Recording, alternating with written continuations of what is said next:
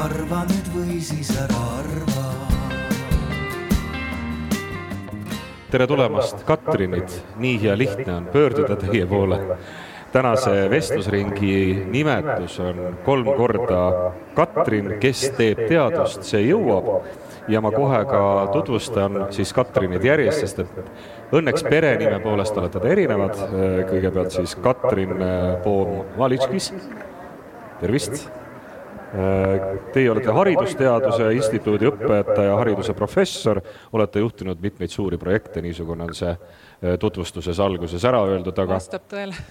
aga ma luban, et me alguses saame ka rääkida veidi sellest, et milline on olnud teie teekond. et alustame sellest isiklikust vaatest ja lähme siis rohkem sellisele eh, rohkem helikoptervaatesse. Katrin Niglas on Tallinna Ülikooli teadusprofessor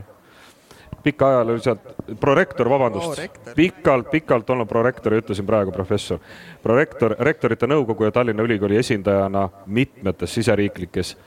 õppe- ja teadusvaldkonna juhtkogudes ja töörühmades töötanud, ka vastab tõele küllap. Vastab, vastab, aga ma tahtsin ettepaneku kohe teha, et vaata, kui sa teietad, et siis sa võiksid nagu meie kõigi kolme poole pöörduda. Ja ülejäänud osas me oleme nii palju siin juba neid vestlusi maha pidanud, et selle niisuguse Äh, mõnusama oleku jaoks võib sina peale minna vast äh, ludinal. me muidu olemegi sina peal ja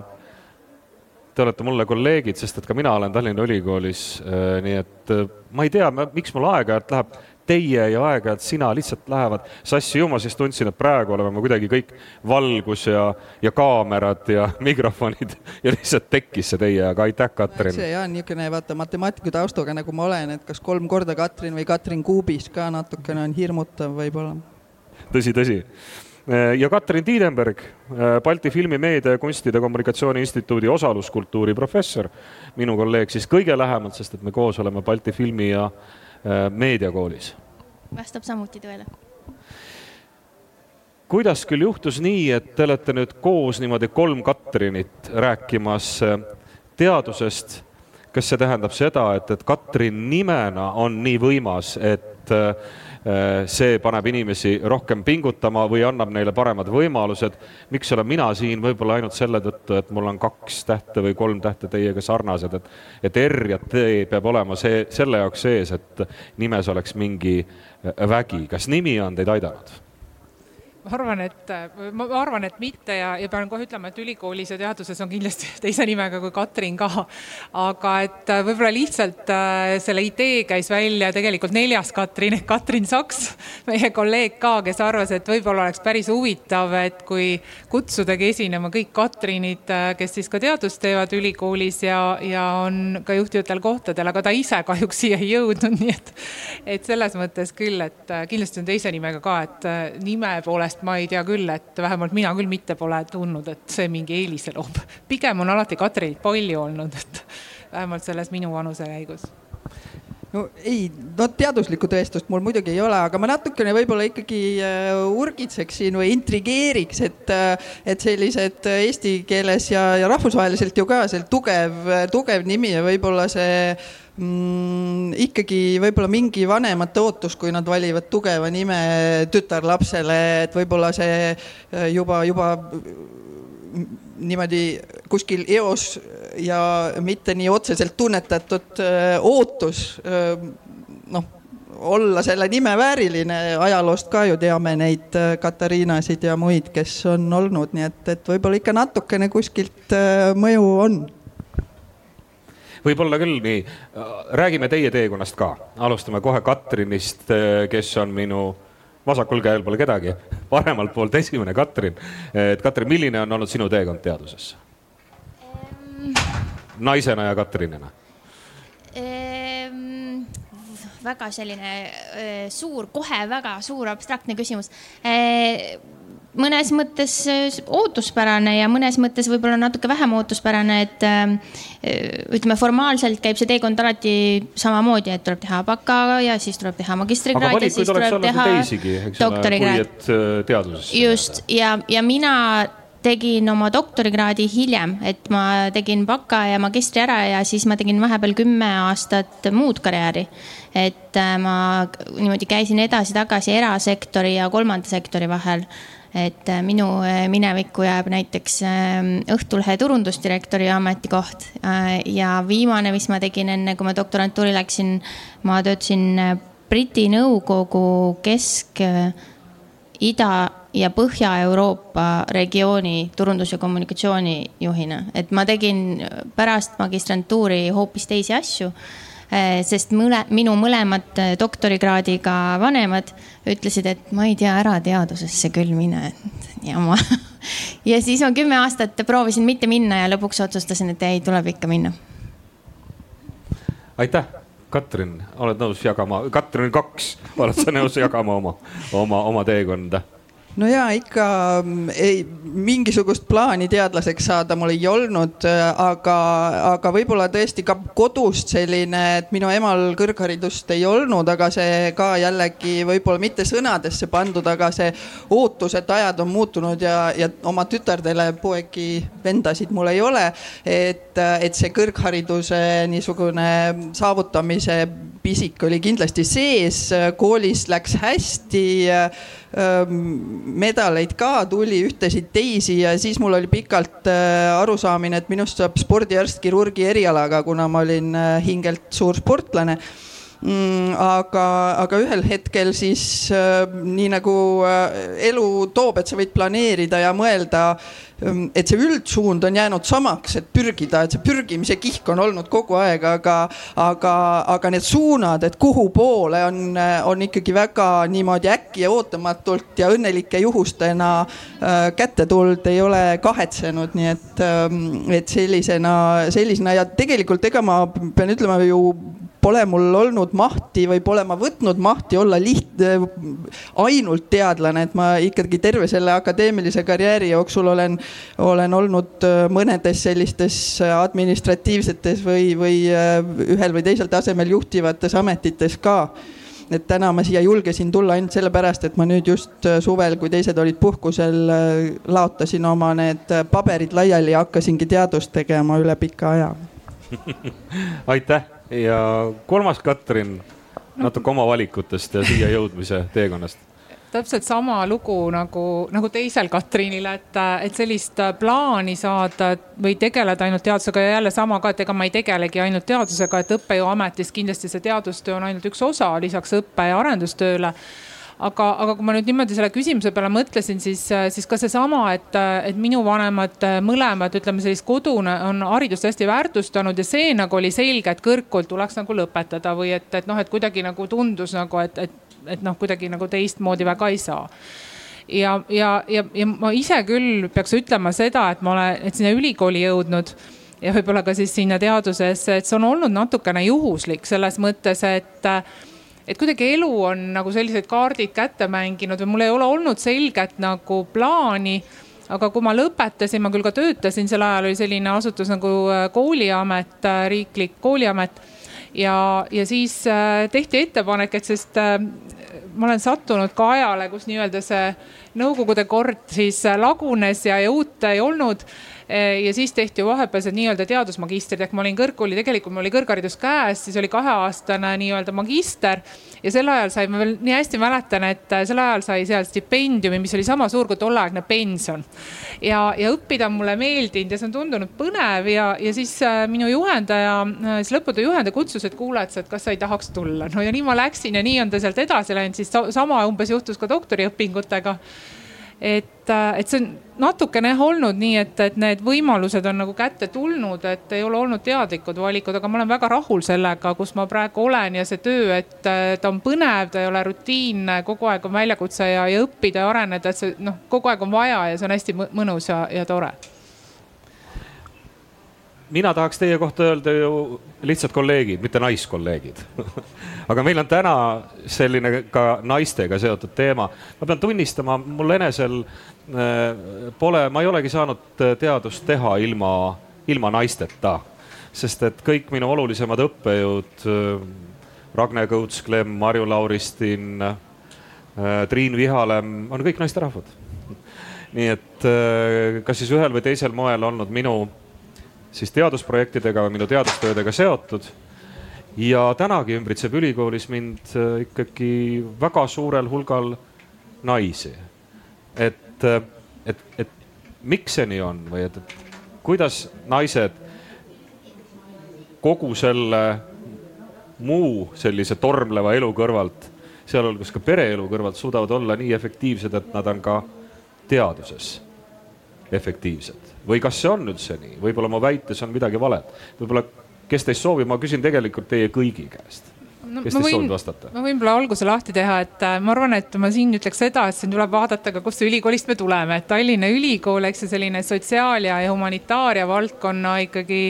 eelkõige selline esindav ülikool, siis seda valdkonda, siis selge on ka see, et selles valdkonnas või nii-öelda nendes pehmetes, no neid naisi on ka rohkem, et kui nüüd vaadata Tehnikaülikooli poole, siis see pilt on totaalselt Tõsi, teine. mina tulen Tartust. just, Tartu kohta noh, on jälle ilmselt erialati väga erinev. kindlasti. et, et selles mõttes, kui nüüd noh, jällegi sellist statistikat vaadata, siis ju tegelikkuses, ma just huvi pärast vaatasin, et, et on vist nüüd äh, kuskil kolmkümmend kolm protsenti tegelikult sellistest teadlastest ja uurijatest või ütleme, maailmas on tegelikult ainult naised, et neid ei ole sugugi nii palju. ja, ja tegelikult ka sellise karjääri mõttes ikkagi tuuakse välja just seda, et äh, kui me vaatame ka professoreid äh, Eestis, siis neid oli nüüd kas kakskümmend kuus, kakskümmend kuus protsenti, eks ju, kõikidest professoritest, et see, see, see tegelikult see pilt on hoopis teine ja, ja teistpidi ma jäin mõtlema selle peale, et hästi põnev, et kui hariduse peale mõelda, eks ju, et, et kuidas see nagu nii on ja võib-olla seal on ka need vastused, et et tegelikult me teame, kui me üldhariduse peale mõtleme ju jällegi, et seal see ebavõrdsus võib-olla on teistpidine, et meil tegelikult ju koolist välja, põhikoolist välja kukkujatest seitsekümmend protsenti on äh, noormehed paraku. Äh, tuuakse ka seda välja, et kui vaadata selliseid võib-olla erituge vajavate õpilaste äh, hulka või eriklasse, siis seal domineerivad noormehed. me teame, et üldjuhul on õpitulemused paremad ja gümnaasiumi lõpetab meil rohkem neid, neid kui noormehi, sama kipub olema ka ülikoolis ja siis lõpuks, et minu meelest Mati Eidmes kunagi ka tõi välja selle, et kuidas see nii juhtub, et kogu aeg on nagu naised rohkem haritud, aga lõpuks, kui vaatame tippu, et professorite hulgas on meil rohkem mehi. et mis seal siis vahepeal juhtub ja ma arvan, et seal vahepeal juhtubki see, et äh, et naised kipu, mitte ei kipu, e, noh, mehed ei ole õppinud sünnitama siiani, eks ju, et, et see roll tuleb naistel ära täita ja, ja tegelikult tuuaksegi ka nendes uuringutes välja, et et just nimelt need äh, akadeemilises karjääris need katkestused, et need on need, mis tegelikult siis äh, noh tõmbavad pidurit, võiks öelda naiste puhul pigem selles, et jõuda võib-olla kaugele ja, ja, ja teha siis äh, võrdväärselt meestega asju tihtipeale, et see noh, hoolduskoormus või või see, mis koju. tundub loogiline seletus, tõsi. ma vaatasin hommikul ETAG-i kahe, kahe tuhande kahekümnenda aasta sealt raportist ja seal on hästi reljeefselt sisuliselt seesama, mis sa just ütlesid, et kui me vaatame kaks tuhat üheksateist aastal Eestis baka ja magistri lõpetajatest kuuskümmend neli protsenti olid naised ja kolmkümmend kuus protsenti olid mehed. ja professoritest on kakskümmend kuus protsenti naised ja seitsekümmend neli protsenti mehed ehk et äh, need algavad nagu niimoodi ja siis sõidavad niimoodi täiesti, vahetuvad oma kohad. Ähm, ja ilmselgelt ei ole selle taga see, et äh, naised, kes omandavad ja ütleme, doktorikraadi omandajad on kõige lähemal teineteisele, ehk et seal on see siis mingi umbes viiskümmend neli, nelikümmend kuus või midagi sellist, endiselt naiste kasuks. et ähm, noh, osa on nagu süsteemne, osa on kultuuriline ja väärtuste ja normidega seotud äh, ja ootustega äh, ja, ja osa on muidugi täpselt sellesama täiesti praktilise, et kõigil on päevas kakskümmend neli tundi ja kui hoolduskoormus jääb rohkem naiste peale, siis eh, neil jääb vähem aega teiste asjade tegemiseks. mul tuli millegipärast ja mitte seoses selle aruteluga eile või üleeile meelde mingi kummaline seik. Eh, ma olin kaheksateist, kui mu ema sai doktorikraadi ja siis mõned aastad hiljem ta rääkis mingitest asjadest, mis neil seal tööl toimusid, hakati valima mingeid professoreid ja ma küsisin oma ema käest, miks sa ei taha professoriks? ja tema ütles, et ei, ei, ei, ei, no professoriteks ikkagi lähevad ainult mehed ja siis mingisugused täiesti hullumeelsed karjeristidest naised. et eh, ja noh, see on umbes kakskümmend aastat tagasi, et see muutus kultuurist on tegelikult ka väga reljeefselt toimunud, Eestis kindlasti. Ähm, et see, ütleme võib-olla ka siis see nagu ootus või noorte naisteadlaste enda mõtlemine, et kas ma üldse tahaks või kas see on üldse võimalik või kas see on üldse midagi, kas see üldse on minu trajektoori osa. et selles on kindlasti hästi suur muutus toimunud ja nüüd edasi ongi siis see, et mida teevad konkreetsed institutsioonid, et kui me siin rääkisime, et Tallinna Ülikoolis ähm, on võib-olla rohkem, et siis kas see on erialast tulenev või see on ka, kas me saame öelda, et Tallinna Ülikool on midagi hästi teinud või õigesti teinud, ma siin lükkan palli. tõsi, tõsi, sest et Katrin Niglas, Katrin number kaks minu poolt lugedes, Katrin Niglas Niklas on äh, täna kõige juhtivamal positsioonil äh, siinsetest Katrinitest äh, administratiivselt prorektorina. oleme siis teinud midagi õigesti? no vähemalt ei ole valesti ehk teinud, et selles mõttes ma tahtsin ka, et siin juba oli ju, kõlasid need valdkonnad, mis on äh, rohkem niisuguse kultuuriliselt või ajalooliselt, aga öö, ähm, omased öö, äh, sellele mm, nais, naisenergiale, kui soovite. aga mm, ja, ja sellisele empaatilisele vaatele, mis, mis traditsiooniliselt on rohkem äh, trendina vähemalt naistele omane aga, aga mulle just meeldib see hästi, ma olen erinevates kontekstides alati see, kes ütleb, et, et äh, jah, vaatame seda hetke, võtame tänase või eilse statistika, aga, aga selleks, et sellest aru saada ja vaadata homsesse, on tegelikult vaja vaadata sinna minevikku, et kust me tuleme ja, ja mis, mis on olnud, et ma just äh,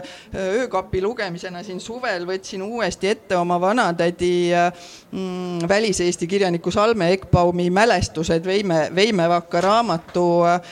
ja, ja, ja ta räägib siis väga niimoodi autentselt sihukese metsatalu elust siis esimese Eesti, esimese Eesti ajal, kahekümnendatel, kolmekümnendatel ja siis see minu vana-vanaema noh, need kirjeldused, et kuidas,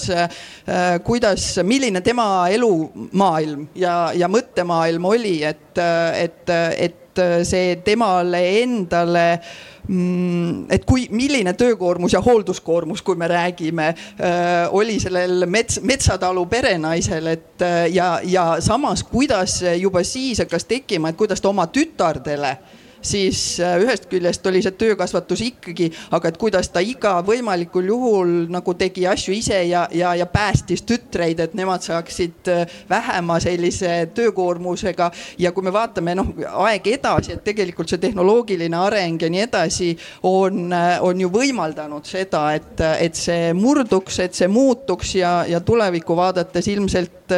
ilmselt noh, Skandinaavia maade poole vaadates ja, ja mõeldes, et kui tormi tormiliselt tehnoloogiad arenevad äh, ja, ja loodetavasti ka ühiskonnad, et, et, äh, et ma küll ise julgen loota, et seda mm, seda ühiskondadena pakutakse veel rohkem seda võimalust äh, järjest seda niisugust töökoormust, kodust igapäevast töökoormust, ma mõtlen siis vähendada naistel, kellel ise on selleks sisemine tung ja soov pühenduda, sest ega teaduses ei, äh, ei saa läbi lüüa mm, sellise nautlejana või, või, või et sa pead ikkagi olema üsna tugeval määral enesepiitsutaja. On palju mõnusamaid asju, mida oma eluga teha, ütleme niimoodi. Et ja see on äh, nii-öelda nagu ka aus asi, mis lauale panna, et eh, ei ole mõtet ka kuidagi nagu idealiseerida seda, et lihtsalt sellepärast, et vähesed naised jõuavad professoriks, et see peaks olema nagu eh, mingisugune selline eh, ütleme, ambitsioonika naise kindel tahe või suund minna selles suunas, on palju igasuguseid erinevaid asju, mida targad, tublid ja ambitsioonikad naised võivad teha, et nad ei pea tingimata teadust tegema. oluline on see, et need, kes tahavad, saaksid seda teha ja saaksid seda teha, ütleme siis adekvaatses konkurentsisituatsioonis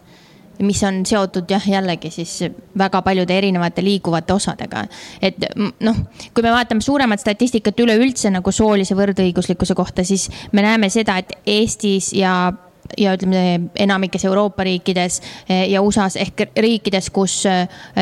seadustega eh, ei diskrimineerita naisi, et noh, naised võivad valida ja autot juhtida ja mingeid selliseid asju, baas, inimõigused on olemas. et nendes riikides, kui küsitakse noortelt naistelt ja vanematelt naistelt, millal nad on kogenud mingit ebavõrdsust, siis enamasti naised ennem seda, kui nad saavad lapsed, ütlevad kõik, et ei ma ei ole midagi kogenud, kõik on hästi. sellepärast, et nende jaoks ongi, et see, kus on siis ütleme need ähm, ähm, traditsiooniliste kultuurinormide kajad tugevalt sees, on laste kasvatus ja seesama hoolduskoormus ähm, hästi palju ka sellisel nagu isiklikul väärtushinnangulisel põhjusel, et inimesed ise tunnevad, et, et ma ei ole hea ema, kui ma ei soorita emadust mingil konkreetsel viisil just seesama, see hoolduskoormus, et räägime selle ka veidikene lahti, kas mingite näidete ja seletuste põhjal natukene see tuleb juba välja, aga et, et, et millest see kõigest koosneb. et ja, ja, ja kuidas on võimalik selle kõrvalt samaaegselt teha teadust. jah, et natukene lahti seletada ka mõni endise ajakirjanikuna ma ei tea, ma võib-olla ka tegelikult nüüd lähen natuke küsimusest mööda, aga mind jäi kuidagi kummitama üks äh, paar päeva tagasi jooksis läbi lihtsalt Delfi uudistest, äh, mis puudutab tegelikult seda vaimset äh, tervist. Mõtlesingi, et siin vaimse tervise telk on meie suht lähedal, et ilmselt seal on väga põnevad teemad. aga, aga mulle jäi silma see, et nad tõid välja, et on viimase kahe aasta jooksul tohutult kasvanud siis haiguslehtede arv, mida on võetud just siis seoses vaimse tervise probleemidega. toodi välja see, et kui varasemalt ei olnud nagu meeste ja naiste selline vahe, et kes võtab rohkem nagu tohutult erinev, üks asi, et nüüd on peaaegu kaks korda vist oli kasvanud ja, ja tohutult on just naiste hulgas. ja, ja seal küll oli toodud umbes põhjenduseks see, et tõenäosus, tõenäosus on või noh, miks see nii on, et miks naised nagu rohkem, et, et kõiki vaimsete probleeme kuidagi siis on haiguslehti rohkem nüüd viimasel ajal Äh, oli kuidagi põhjenduseks toodud see, et tõenäoliselt naised julgevad nagu noh, tunnistada või julgevad abi paluda. aga mina jäin mõtlema selle peale, et seesama, et, äh, et kus võib-olla kõige paremini tuligi see hoolduskoormuse probleem ka välja, on see meie viimased kaks aastat, mis tegelikult toimunud on, see Covidi tingimustes et äh, ma pigem jäin mõtlema sellele, et kui me vaatame teisi uuringuid, mis näitab seda, et kes kõige rohkem on nagu pihta saanud, noh, rahvusvaheliselt toodi, eks ju, ka vist oli eile või millal öeldi, et kaks miljonit naist on tööta jäänud viimase kahe aasta jooksul tänu, tänu sellele viirusele. Äh, me teame, et siin ka ju Eesti andmed, mis näitasid seda, et noh, et eesliinitöötajad, eks ju, kelle see koormus, töökoormus, päris mitte hoolduskoormus oli kõige suurem, valdavalt naised. aga mida see tähendas kodus? Äh, see tähendas ju ka seda, et lapsed, kes kooli ei saanud äh, ehk et noh, see tegelikult naiste see hoolduskoormus kasvas nii drastiliselt, et mina pigem arvan, et see, see nende haiguslehtede arvu tõus ei ole mitte sellepärast, et naised julgevad öelda, vaid tegelikult seda läbipõlemist oli. ja me oma ülikoolis, kui me tegime ka seda distantsõppe uuringut, siis äh, väga selgelt tuli välja ja meil ju ka veel eriti raske neid, kes töötasid õpetajatena. sa pead tegema, ühelt poolt sul oli kodukontor, aga teiselt poolt, mida väiksemad lapsed Äh, kes, sa pead olema lasteaiakasvataja, sa pidid olema õpetaja oma, oma kooli ja sa pidid olema kokatädi, koristaja. Ehk et ja lisaks veel, eks ju, abikaasa, naine, ema, kõik korraga. ja, ja tegelikult see põletas läbi, et mina nagu pigem arvaks, vaadates neid teisi nagu numbreid, et see, see naiste tohutu viimase kahe aasta niisugune haiguslehtede kasv selles osas. Ja noh, kui te mõtlete jällegi, et noh, ei ole mõelda ka selle peale, eks ju, et äh, mis võib-olla sel nüüd viimase kahe aasta jooksul need lood on ilmunud, ilmu, ilmunud meedias, lihtsalt äh, enamasti on ju naised, kes ütlevad, et nad enam ei jaksa, enam ei suuda, kui see, kui kool lahti ei lähe, siis või lasteaiad lahti ei tehta. et noh, see ongi see hoolduskoormus, ehk sa pead kodus just nimelt see kokatädi ja, ja, ja lasteaiakasvataja kõik korraga olema. ja noh, õppejõuna ka oli ju näha, et kui meil olid loengud, eks ju, et siis vahepeal noh, ta püüdis veel ka loengus olla kõige muu kõrvalt ja siis oli see lastekisa ja, ja kõik muu ja, ja, ja noh et, et, et ütleme ka see sotsiaalmajanduslikud võimalused hakkasid siin tohutult nagu noh, neid vahesid tegelikult tekitama, et kas sul on üldse võimalik ka teise tuppa minna või ei ole, sul on kõik need lapsed ja kool ja lasteaed on ja kõik see köök ja kõik on ühes ja samas toas ka veel kõigele lisaks, et, et see see on nagu. ja no siinkohal oleks nüüd hästi lihtne öelda, et jah, okei okay,, aga et, et noh, teadlased, kui me räägime, ütleme doktorikraadiga inimestest või tegevteadlastest, et nendel on eelduspäraselt mingid võrdõiguslikumad suhted kodus või nendel võib-olla ei ole nii traditsioonilised väärtused, aga me teame seda, et kui me vaatame viimase kahe aasta statistikat ajakirjadesse esitatud artikli käsikirjadega, siis radikaalselt, drastiliselt kukkus naiste poolt esitatud käsikirjade arv ja drastiliselt tõusis meeste poolt äh, esitatud käsikirjade arv, mis annab eeldust, ütleme siis nagu arvata või seada üles vähemalt hüpotees, et isegi peredes, kus mõlemad on teadlased eh,, oli isa ikkagi see, kes ütles, et ma lähen nüüd sinna tühja ülikooli ja kirjutan seal seda eh, käsikirja ja sina tee seda kodukooli no,. Katrin, soovid ka? ja eks ma pean tunnistama, et mina olen kindlasti üks see, kellelt see kodune, kodune see tunne ja et et, et ei ole probleemi, on nagu sünnilt või, või lapsepõlvest igiomane, et, et ma pigem olin selline öö, oma naiivsuses öö, ikkagi omast arust öö, antifeminist, et kui see Nõukogude naistraktorist sulle ikkagi nagu risti tee peale lükati ja, ja, ja siis öö, mm, kuskilt mingisuguseid ilmselt noh, moondunud jutte kuulsid, et aa, seal kuskil mujal maailmas, et kui meesterahvas naisterahvale ukse lahti teeb, et siis saab kohtulikult karistatud juba, et, et selline äraspidise sunnitud võrdsuse äh, teema oli kuidagi minule üsna aktuaalne ja, ja ma olin nagu äh, siis noore, noore kanana või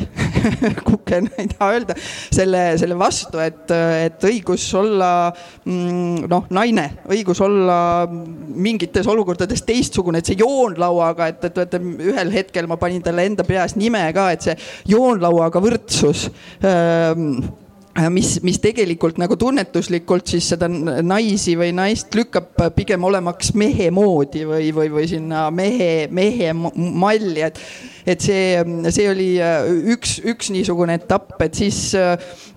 selle kõrvalt et äh, niisuguse, ma ütleks kõrvaltvaatajana olen ma tegelikult, et isi, ise mitte kogemata, aga kõrvaltvaatajana olen õppinud äh, küll, küll nägema ja, ja eriti kui sa mainisid seda juhi rolli, siis tegelikult see on juba päris mitu aastat äh, olnud niisugune väga suur dilemma ja ega me pole väga palju suutnud ära teha selles mõttes, et, et joonlaua järgi ju ülikooli kontekstis on äh, võrdsus justkui tagatud, et kui sul on samad, äh, samad näitajad, siis äh, ma ei arva, et meil oleks mingi tõendus vähemalt, et Tallinna Ülikoolis naisi diskrimineeritakse. Ja, ja ei ole neid ahistamisi ka meil naisi rohkem ja, ja nii edasi ja niimoodi, et neid peaks kuidagi kilbile tooma või häbenema, aga, aga just see hoolduskoormuse selline mõiste ja, ja tegelikult niimoodi võib-olla retrospektiivselt vaadates, et ega mul endalgi seda elu ei ole halastanud ja seda hoolduskoormust on saatus päris, päris kuhjaga, kuhjaga toonud, et et, ähm, et iseenda jaoks on teatud lahendused leitud ja, ja, ja, ja tasakaalu otsimine käib, aga, aga juhina ja sellena, kes ülikoolis regulatsioone teeb, et see on tegelikult väga keeruline ülesanne, kuidas tagada võrdset kohtlemist läbi ebavõrdse kohtlemise selles mõttes, et, et teades, et taustal on erinevad äh, kontekstid. Et see terves maailmas on täna ikkagi väga tuline probleem ja eks ma pean tunnistama, et maailmakogemust õppides, vaadates äh, Inglismaad ja, ja tundub siiani, et oh, nad on üle piiri läinud, et see ei ole normaalne, et kvoote me ju ei taha ja, ja, ja, ja seda ka ei taha, et postkast äh, ülikooli poolt kell äh, pool kuus lukku pandaks, et ei saaks enam töökirju lugeda ja, ja saata Ähm, et, aga võib-olla seal midagi on taga. on, on, et, et mõned ühiskonnad on liikunud, ma arvan, et, et me peame enda jaoks siin on seedimist küll, tahtsin öelda ja, ja mõtlemist, et kuhu, kuhu ja kuidas neid neid mõtteid mõlgutada ja, ja, ja reegleid sättida. et on võimalik tippteaduses jääda naiseks ka väljaspool seda nüüd hoolduskohustust, et, et ei pea, ei pea mehestuma see on, mul on nagu eh, kerged vastuväited sellele konstruktsiooni, see on niivõrd nagu binaarne konstruktsioon, just nagu oleks ainult üks viis olla naine ja ainult üks viis olla mees ja kui sa oled natuke teistmoodi naine, siis su ainus variant on olla rohkem mehe moodi naine, et ma arvan, et on olla väga palju viise nii mees kui naine kui inimene. Ehm, et see otseselt minu jaoks ei ole väga produktiivne ehm, probleemi püstitus. varjundeid avada tegelikult aga ma hakkasin hoopis mõtlema selle peale, et, et kui me rääkisime siin lahendustest ja, ja, ja Katrin rääkis, et noh, et juhina, et äh, mida sa teed juhina, kui äh, üks on siis see joonlauavõrdsus ja teine on siis kontekstitundlik äh,, kontekstitundlikud lahendused, et ähm, nii palju, kui ma olen rääkinud, ma olen Eesti Noorte Teaduste Akadeemia liige, seal on palju väga-väga-väga tublisid äh, noori naisteadlasi, enamikel, kellest on äh, lapsed. Ja siis ma just, kui te rääkisite, üritasin siin mõelda, et, et, ähm, et kas on aus öelda, et nemad on just nagu laste kiuste või noh, mingi tohutu eneseohverdamisega eh, saanud selle eh, oma teadlase taseme. eh, ja ma mõtlesin selle peale ka seoses sellega, et juhendades doktorante, et mis on see, mida me neile mudeldame, et kas me mudeldame neile seda, et, et, et selleks, et olla edukas, pead sa olema hullumeelne masohhist, eneseohverdaja või. ja kõigi teiste ohverdaja. või jah, või on võimalik kuidagi teistmoodi ka ja, ja mul tuli meelde üks lugu, mida räägib Lili Milani geenivaramust alati ja ta ütleb, et ta oli doktorant ja tal olid lapsed ja juhendaja ütles talle, et äh, mine sinna konverentsile ja tal olid hästi väiksed lapsed, ta ütles, ma ei saa minna ja juhendaja võimaldas tal võtta kaasa nii lapsed kui ka lapsehoidja ja ta räägib sellest alati nagu näitena sellest, kuidas nagu süsteem ja struktuur, kui ta tunneb ära, et kelleski on potentsiaali. Ähm, et ähm, nagu saab, ütleme siis tegelikult saab igasuguseid lahendusi välja mõelda mis ei ole tingimata võib-olla harilikud või tavapärased äh,. aga et see, kui me räägime sellest ebavõrdsest või ebaproportsionaalsest hoolduskoormusest, see ei pea tingimata tähendama seda, et see naine ei tegele nende inimeste eest hoolitsemisega, kelle eest ta tahab hoolitseda, vaid küsimus on ka selles, et kas ta saab seda noh, just jällegi, et kas ülikoolis on mingi lastetuba või noh, mingisugused sellised lahendused, mis ei ole tingimata ainult seda, et emme läheb tööle ja issi peab nüüd tegelema, on ju, et äh, jällegi on, on palju rohkem lahendusi. kas me ülikoolides liigume sinnapoole, on mingeid selliseid võimalusi loodud, ma ei tea, kas siis füüsiliselt ülikooli sees või kas me mõtleme selle peale, kas me liigume sinnapoole? No lastetuba on meil olemas. nii, lastetuba on olemas. minu lapsed on nii suured, siis ei ole neid teenuseid kasutanud, et sel ajal, kui mina nii-öelda veel lapsed väiksed olid, siis muidugi seda ei olnud, aga, aga jah, et vähemalt see on olemas. no noh, selle lasteaiaga on ju see ka, et vaata, mina vahepeal sattusin Inglismaale õppima ja siis seal see lasteaed kui selline tehti ülikooli juurde, see oli midagi väga uut ja väga naisi soosiv, et noh, meie tuleme nõukogude ajast, meil on lasteaed täitsa elementaarne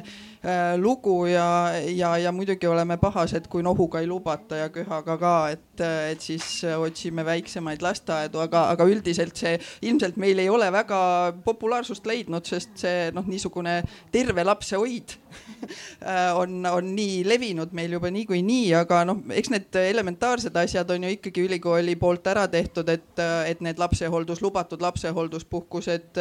arvestatakse maha sellest arvestuslikust perioodist, kus linnukesi kokku loetakse, et mida sa oled saanud mm, võib-olla need kohad, kus me oleme äh, rohkem kimpus, on äh, see mm, näiteks äh, noh, mis ka maailma kogemusest, see osakoormusega töötamine, et sa ei, ei peaks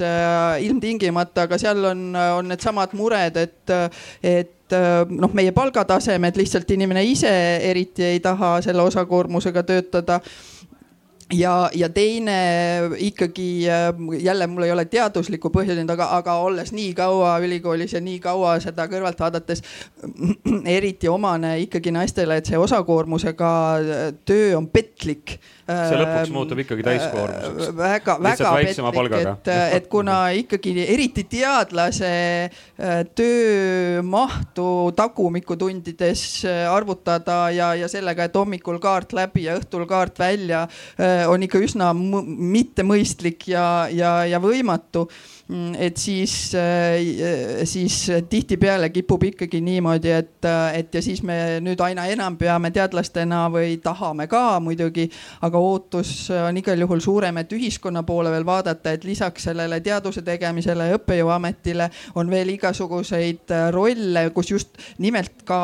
mingil määral tuleb sisse see võrdne, et, et igasugused komisjonid ja juhti noh, niisugused juhtivad, juhtivad ühiskondlikud ametid, mis otse ei ole ameti sees. et, et me just selle võrdse kohtlemise ähm,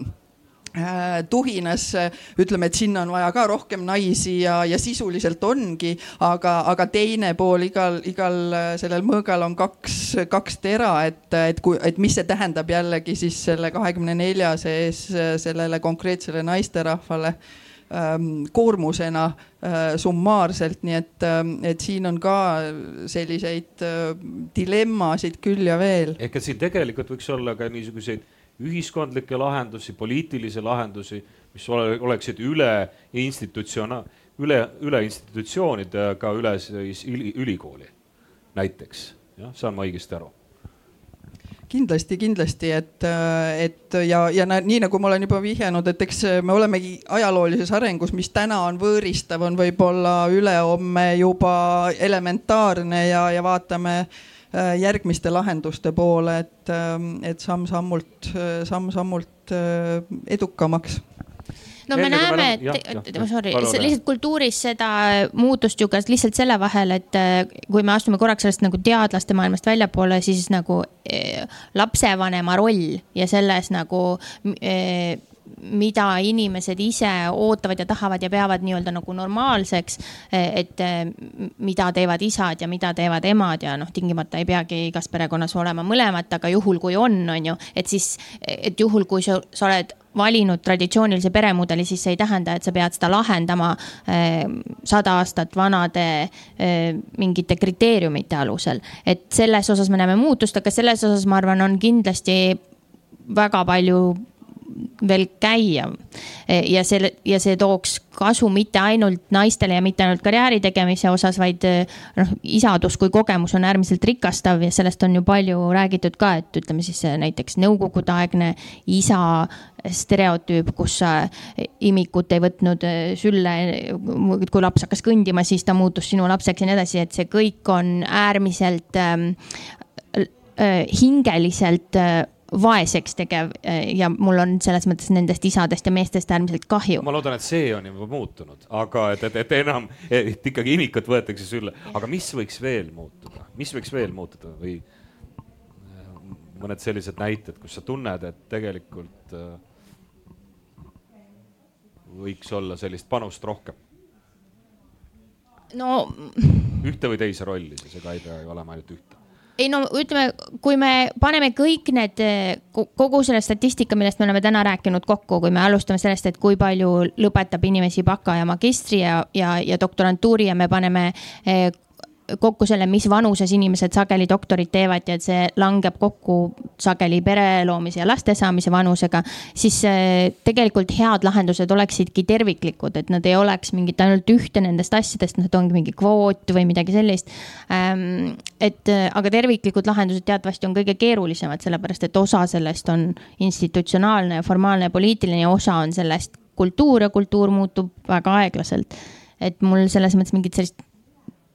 võlukepikesega viibutust ei ole pakkuda kahjuks. no aga andsid meile viite, Katrin. ma lihtsalt jäin mõtlema, et ja. sellest äh, ilmselt ma just lugesin sedsamast ETAG-i uuringust, kus võitles siis ka äh, rahvusvahelistele teistele uuringutele ja et ega see probleem on mujal ju tegelikult sama, et tõesti, et teistpidi ma võiks öelda, et, et ülikoolis töötades, sest meil on ju väga selged kriteeriumid ja seal ei saa, no ei, sugu ei loe selles mõttes, vaid sulle loevadki see, et mida sa oled kirjutanud, mida teaduses teinud oled ja, ja, ja selles mõttes võiks öelda, et tõe, tõeliselt nagu võrdõiguslik kõik. aga, aga et just ongi, et noh, seal tuuakse ka välja seda, et seesama, et, et mulle kuidagi meelde see, et, et tõesti, et meil on jälle, ma jään ka mõtlema, et meil on natukene vist see teistmoodi või kuidagi nagu see enamus doktorante siiski ei tule nagu kohe peale magistriõpingute lõppu. mujal maailmas väga tihti ikkagi need on need inimesed veel, kellel peret ei ole, meil kipub olema see, et enamus on tõesti peredega inimesed või väga suur osa nendest ja, ja seal toodi just välja see, et, et tegelikult alguses ütleme noorteadlaste vahel ei ole vahet meestel ja naistel, aga et siis teevad, ongi see, et siis tuleb peale seda tavaliselt see doktorikraad saadakse kätte, siis hakatakse peret looma ja siis tullakse tagasi teadusesse. Ja siis on to, toodi välja see, et umbes kolmeteistaastase nii-öelda edusammu on tavaliselt või hüppe teinud mehed, sest need, nemad on nagu jätkanud ja on juba karjääris tunduvalt nagu kaugemale jõudnud, et seda hüpet nagu järgi teha on nagu keeruline ja, ja, ja samamoodi, et noh, et ega ei ole häid lahendusi, et, et noh näide, mis siin esimene Katrin, eks ju, tõi, et, et, et kui sul on nii palju ka see sotsiaalmajanduslik taust, et sul on võimalus pakkuda seda, et ma lähen konverentsil, sa võid lapsed ja lapsehoidja kaasa võtta. noh, Eesti ei ole seal ja ma ei tea, millal ja kas me üldse sinna jõuame, et aga need on tõesti, need lahendused on keerulised ja, ja noh, midagi ei ole ka teha, et eks, eks see on ka just seotud ka ikkagi selle rahas, raha ja rahastuse ja, ja selle lisa nii-öelda võimaluste pakkumisega. ja seesama mingisugune ka tööajal ikkagi mingi teatava piiri tõmbamine, see käis korraks, Katrin, sinu jutust läbi, Katrin number kahe, Niglase jutust läbi, et, et mina õppejõuna arusaadav, et kui kell kolmveerand kaheksa lõpeb loeng, et siis ma no võib-olla vastan mõned meilid ära, sest et ma saan võib-olla hommikul natukene eh, kauem mõelda või, või, või olla omaette, aga et ma näen, et pärast kella kolmveerand kaheksa saadetud meili tuleb Tallinna Ülikooli naisbürokraatidelt kell pool üheksa vastus. ma tegelikult ei oota seda, aga nad on lihtsalt nii tublid kuidagi, et nad kõikide oma tegemiste kõrvalt, ma ei tea, kas siis metsajooksu ajal või tegeledes oma perega, hakkavad vastama, ma ei julge enam saata sellel ajal kirju ja eks selle, selle asjaga ongi see niisugune vabaduse ja, ja, ja iseenda tasakaalu leidmise, leidmise koht ja, ja, ja, ja nii nagu ma enne ausalt tunnistasin, sellise kaalumine kogu aeg, et kus on mu ambitsioon ja, ja, ja, ja mis mul on kakskümmend neli tundi ja, mis on mu prioriteedid ja, ja millest ma siis äh, loobun ja kus ma tegelikult äh, võib-olla vähemalt minu isiklik kogemus, mis mind on paljugi, ma usun, päästnud sellest äh, sisemisest ma usun, et äh, on ka teadusuuringud, mis ütlevad, et naiste niisugune sisemine või keskmine kohusetunne äh, on, on, on pisut suurem. Mm, et, et iseennast päästa sellest kohusetunde küüsist ähm, on noh, lisaks sellele vaatamisele nendele prioriteetidele prioriteetidele otsa ja ütlemegi ei, ei ütlema õppimine, mis mul endal ei ole hästi välja tulnud, nagu äh, Mart juba, juba siin märkas, märkas ja mainis, aga, aga teistpidi ikkagi äh, neid kohti on hästi palju, et, äh, et kus sa tajud, et mis ei ole minu jaoks võib-olla nii prioriteet, et ma ei rutta sinna oma täisenergiat panema, aga, aga ma tajun, et minu võib-olla kogemus lubab mul ka diagonaalis äh, mm, panu, diagonaalis süvenedes äh, panustada üsna oluliselt. Siiski, mis, mis võib-olla vähema kogemusega inimestel,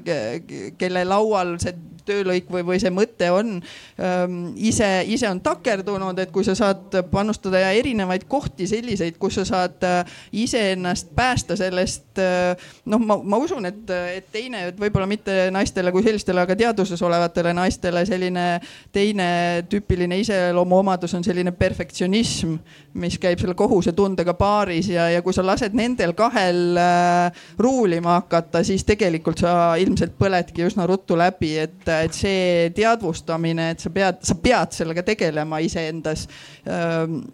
on, on väga oluline, nii et, et mul oli neid igasuguseid mõtteid veel. aga sa saad need kõik teisest, välja öelda, meil on aega veel meil on aega veel, nii kaua me saame küsida teiste Katrinite käest, et kuidas teie olete suutnud äh, ennast nii-öelda äh, hoida tervena, mitte kaasa minna sellesama, selle konkurentsipõhiselise mm, noh, kõikidele asjadele ja ütlemisega ja, ja, ja sellega, mis just Katrin, Katrin Niglas välja tõi eh, eelnevalt, perfektsionism sealjuures ja ma pean kohe tegema, muidu ei ole võimalik, muidu ma ei ole tubli. ütleme nii, et see haigus on on ka minule tuttav ja, ja ega ei saa öelda, et täielik paranemine oleks toimunud, et et noh, jah, nüüd tahaks öelda, nagu mingi elukogemus ja muu, et, et, et ja, ja, ja me korra ka ennem, kui me rääkisime, et võib-olla, et noh, et kuidagi tahaks jättagi muljet, et noh, et jube lihtne on olnud ja et ongi keeruline olnud ja on ka endal väga raskeid ja keerulisi aegu olnud, aga aga ma olen nagu ise nagu mõelnud selle peale, et, et, et see ongi selline pidev ka nagu teadvustamine, et sa pead iseenese eest ka hoolitsema, et noh, et kui su tass, et, et eriti õppejõuna, et see on nagu ma ütlen ka õpetajatele alati, et see on jagamise elukutse. ja, ja kui sul enda tass on tühi, siis sul ei ole midagi jagada, ehk et see enese tassi täis äh, hoidmise eest hoolitsemine on nagu hästi oluline. ja see ei ole kerge alati, et, et ütleme nii, et, et et on teatud asjad, et ma vähemalt nüüd juba tean, et, et kus ma pean nagu pidurit ka teadlikult tõmbama selles mõttes, et ka, et võib-olla selline kohusetunne ja, ja perfektsionism, et, et tahaks kõike teha hästi, aga kodune kasvatus on olnud see, et tee alati nii hästi, kui sa saad. et mis ei tähenda seda, et võib-olla vähem, et teised arvavad, et see on kõige parem, aga ta peab minu jaoks olema see, see, see võimalikult hästi. ja, ja see on nagu see, mis tihti viib nagu sinna ka olukorda, kus tundub, et noh, miski ei ole hea ja, ja, ja, ja midagi ei toimi et noh, tuleb leida endale need asjad, mis on siis sinu jaoks need eneselaadimise kohad ja kuskil ka väga selgelt siis seda pidurit tõmmata ja ma arvan, et selline et ka nende oskuste õpetamine, et ma olen, noh, pean paraku tunnistama, et viimase äh, paari aasta jooksul ma olen kõrvalt näinud, noh, need on tohutult seesama, see perfektsionism, hästi tegemine. Need on suurepärased töökaaslased, mul on kolm kolleegi läbi põlenud, sõna otseses mõttes haiguslehele jäänud. et, et see, see oskuste õpetamine ka, et kuidas äh, iseendaga toime tulla, mis on sinu jaoks need sobivad viisid, on see siis mediteerimine, on see sport, on see midagi muud. aga et sa noh, hoiaks enda selle, selle vaimu ja, ja füüsise ja selle nii-öelda balansis, et. ja sel ajal sa ei tahaks hakata ju vastama tööalasele meilile. ei see et võiks selle rikkuda ära, ma võtan näiteks meditatsiooni, käib piuks ja siis ma, et võtan ja ikkagi vastan ära, nüüd mediteerin edasi. nagu Katrin ka viitas, et sa pead nagu aru saama ja, ja, ja ka ja ühel hetkel ütlema, nüüd on ei ja, ja ka, ka lihtsalt tajuma seda kohta, kus nüüd hakkab see nii-öelda tass liiga tühjaks saama või midagi liiga paljuks minema, et, et aga see jällegi on noh, mingi oskus, mida, mida tegelikult võib-olla ka mina olen õppinud äh, teatud mõttes äh, noh, läbi valusalt enda nii-öelda kogemuste, aga, aga, aga ma arvan, et see on midagi, mida me võiks õpetada rohkem ja sellele tähelepanu pöörata. ja ka märgata, et, et kui keel, kellelgi on kõrvalt väga raske või noh, me tajume, et ta võib-olla on, on nii-öelda kukkumas kuristikku. ja teistpidi ma pean ütlema ka, et ise juhina, et, et ega ei oska midagi väga siis teha, sest kui inimene tavaliselt ise ei saa ka aru, et asjad on halvasti, tema ütleb, et kõik on okei okay ikka endiselt, et mida sa siis teed kuidas sa aitad, et kui inimene ise nagu ennast aidata ei taha, et need on kõik siuksed küsimused, mida ma olen nagu viimastel aastatel päris palju mõelnud. Katrin Tiidenberg, sina uurid ka seda, et mismoodi, noh, millest räägitakse ühiskonnas, kuidas räägitakse. see on äärmiselt oluline selle nii-öelda väljendusviis, et, et mis meil siis ühiskonnas toimub, mida, mida meile oodatakse. et oodataksegi, et sa oled kõige parem, sa oled kõige edukam konkurentsidiskursus kindlasti,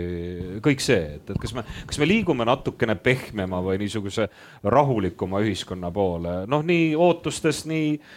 nii naistele kui meestele, aga noh, räägime täna, täna naistest. ma kardan, et äh, me ei liigu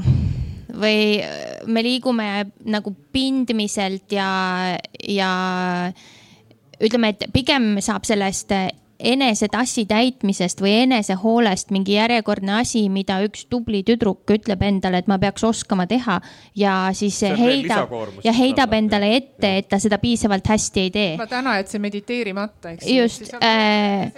et umbes, et teadusuuringud on näidanud, et kui sa mediteerid kümme minutit päevas, siis paranevad su kognitiivsed võimed X protsenti ja ma ei teinud seda täna kümme minutit päevas ja siis see painab mind või et eh, noh, endast jälle näide. Ehm, see nädal oli mul veel puhkus, aga tegin päris palju tööd ja siis sellest tekkis selline väga nõme ring, et ma tegin mingeid tööasju, siis ma olin vihane, sellepärast et ma tegin puhkuse ajal tööasju, sest ma olin endale lubanud, et ma seda ei teinud ja siis see viha ähm, tekitas mul rohkem stressi ja nii-öelda rikkus mu seda puhkuse vaibi rohkem kui see väike tööasi, mis ma olin ära teinud. E, ja siis, kui sa oled nagu enesereflektsiooni ja eneseanalüüsi võimega inimene, siis see tekitab sellise äärmiselt ebaproduktiivse ringi, e, mis lihtsalt ketrab ja ketrab. et ähm, ja noh, ma arvan, et siin on oluline see ka, et sa ennem küsisid, et mis te olete teinud, et mitte nagu langeda nendesse lõksudesse. mina tunnistan täiesti ausalt, et mina ei ole siin mingi rolli äh,, ütleme siis mingi eeskuju äh,. et äh, mina ei oska seda, ma olen selles halb. ma olen lõpuks ometi teadvustanud endale selle, et ma olen selles halb ja püüan meeleheitlikult välja mõelda, kuidas seda iseenda elus paremini teha, aga mul veel ei ole lahendusi, et, et, et noh, ütleme, kui ma tunnen, et on õiglane istusin istuda siin ja rääkida, et äh, kuidas olla edukas naisteadlane, siis kindlasti ei oleks õiglane, et ma istuksin ja räägiks, et äh, kuidas samal ajal olla harmooniline inimene või ma ei tea, elada mingit rahulikku elu või midagi sellist. ma seda alles õpin, kui keegi teab, siis kõik nipid on teretulnud. mediteerimise äpp mul juba on ähm, et ähm, ma arvan, et siin ongi nagu kõik sellised, kõik lihtsad lahendused ei ole tegelikult mingid lahendused, et äh, igaüks peab mingi süsteemse lahenduse endale leidma äh,. hästi palju on kinni väga-väga keerulistes asjades nagu konkreetse peredünaamika ja konkreetsete inimeste vahelised suhted. minul on äärmiselt tore, toetav äh, ja väga heast isast partner äh,, aga kellel on ilmselgelt oma roll või kellele tuleb anda minu saavutustest mingi siilukese ähm, aga noh, ma ei taha ka siin öelda, et kui sul seda ei ole, siis sa ei saa, et on palju inimesi, kes on leidnud teistsugused lahendused. et ähm, en, võib, noh, see on ka muidugi selline väga selline lame asi, et tuleks olla nagu enda suhtes kaastundlikum, me kõik, meil kõigile kuluks ära, kui me oleks enda suhtes kaastundlikumad, siis me oleks teiste suhtes empaatilisemad. aga see on järjekordne asi, mida on väga palju lihtsam öelda kui teha. et äh, mingi hetk, äh, kui teised läbipõlevad inimesed su ümber põlevad läbi ja kõik nende tegemata äh, jäänud asjad jäävad sinu taldrikule, siis on, on raske olla väga empaatiline. ma nägin, siit kohtusime metsas äh Rabas Ilmarise või jah, tegelikult siis Pääsküla rabas, et et äh, olid perega koos, et selline noh, loodusega, loodusesse minek, kuigi see Pääsküla raba paraku on ka selline, et see on nagu Viru tänava aeg-ajalt, tähendab mingitel kellaaegadel, et, et ja või siis Viru raba, kus me kõik massis koos kuhugi läheme ja massis koos kuskilt tuleme tagasi, õudselt stressis, sellepärast et hirmus palju inimesi on. aga et, et selline ikkagi loodusesse ennast ära peitmine vahepeal, kasvõi ajutiselt aitab sind? ei, ja, ja no selles mõttes ma ütlesin, et ma ei, ma ei ole selles eeskuju, aga see ei tähenda, et ma ei ole õppinud näiteks äh, täiesti eeskujulikult puhkama, et äh, mul läheb selleks aega ja seetõttu ma ei saa näiteks, kui sul on nädal aega puhkus, siis minu jaoks ei tähenda midagi, sest ma ei saa üldse rattast välja. aga kui mul on pikem puhkus ja ülikoolis on see võimalik, siis äh, ma olen õppinud imeilusalt puhkama, et äh, noh, progress on. ja, ja, ja, nii ja ei, ma muidugi ka ei pretendeeri mingisugusele harmooniale ja, ja, ja, ja kuigi mul on näiteks väike õde, kes on joogaõpetaja ja, ja tugev kõigis nendes, siis äh, olen korra ära proovinud ja minu jaoks näiteks need joogad ja mediteerimised ei tööta ja, ja, ja täpselt nagu sa mainisid, et mu ema on mind võib-olla isegi rahustanud, ütelnud, et mis mõttes ma lähen metsa korviga ja see ongi minu meditatsioon, et ma, ma olen seal ja. läbi tegevuse. ei, ei, ei istu, aga võib-olla kui ähm, noh, jällegi ähm, ka tunnistades, et mina äh, üsna sellise, nagu ma olen juba äh, maininud, äh, isepäise nooruse ja ulja, et winner takes it all, et kui sa oled ise kõva kuju, siis mingeid takistusi ei ole et, et äh, ikkagi töötasin ennast ühte auku niimoodi, äh, kuna ma ei tunnistanud endale, et minusugusega midagi sellist juhtuda võib ja, ja, ja sealt on minu esimene õppetund, et kõiki selliseid äh, elus ette tulevaid raskusi, kui sa oskad teadlikult ja analüüsivalt neid pärast tagantjärgi mm, õppida õppetundidena võtta ja positiivset äh, sellest välja tuua, sellest samast äh, ikkagi äh, noh, arsti, arsti juurde oli vaja minna ja tabletid oli vaja saada. kui ma olin sellest välja tulnud, kaks kuud oli ikka päris raske et siis ma arvan, et pärast seda õppejõu ja juhina on mu vaade teistele inimestele oluliselt empaatilisem. ja, ja iseendaga oskan ma ka siis öelda, et, et ma enam ei ignoreeri, vaid kui kuskilt kripeldama hakkab, siis tuleb sellega tegeleda Ehm, et võib-olla üks, üks õppetund, teine ehm, noh, nagu õppetund, mis minule endale töötab väga, on ikkagi äh, see, et mm, ole positiivne ja kui sa tegelikult tunned, et sa oled, sa oled tugev ja võib-olla tugevam kui mõni teine, siis äh, ära solvu. Äh, ära mängi seda printsessi ja oota, et äkki keegi tuleb sind lohutama. lõppkokkuvõttes on, lõppkokkuvõttes on oluliselt äh, traagilisemad tagajärjed sellisel tegevusel, et, et see vana sõna, et äh, mida külvad või mida annad, seda saad tagasi, et see, see peegeldus on küll äh, noh, hästi selge, et, et mm,, et kui sa oled ise positiivne, isegi kui sul on raske, sa saad ikkagi nagu on, on viisid, et eriti täna, tänases teaduses, mida enam eriti paljudes valdkondades ju üksi ei tehta Äh, et kui me mõtleme, et me peame teaduses ja teadlastena olema ikkagi sellises pidevas äh, koosluses, et kui keegi kogu aeg mossitab või ussitab, siis, äh, siis põhimõtteliselt olgu ta naine või mees või viriseb, siis on temaga raske ja talle peegeldub see ilmselt tagasi, et, et selles mõttes niisugune üsna analüütiline iseenda, et, et jah, kripeldab, nüüd ma justkui tunnen, et mulle on liiga tehtud või mind on solvatud. aga kuidas ma sellega tegelen, et kas ma nüüd siis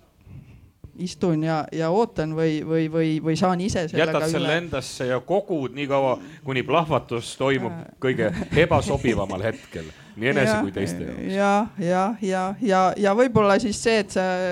ei küsinud, aga ma siis ikkagi ütlen siia veel selle õppetunni ka, et, et et kui sellest iseenda ajast, et on mingisugused, mingisugused asjad, mida sa tunned, et kui sa oled nagu üsna käsnaks ennast pigistanud mm, ja, ja need äh, avalikult tunnistatavad kultuursed äh, sellised lõõgastushetked äh, paistavad pigem koormavat, et ma ei, ei jõua seal ooperis istuda, kui mul see niigi olen väsinud. et siis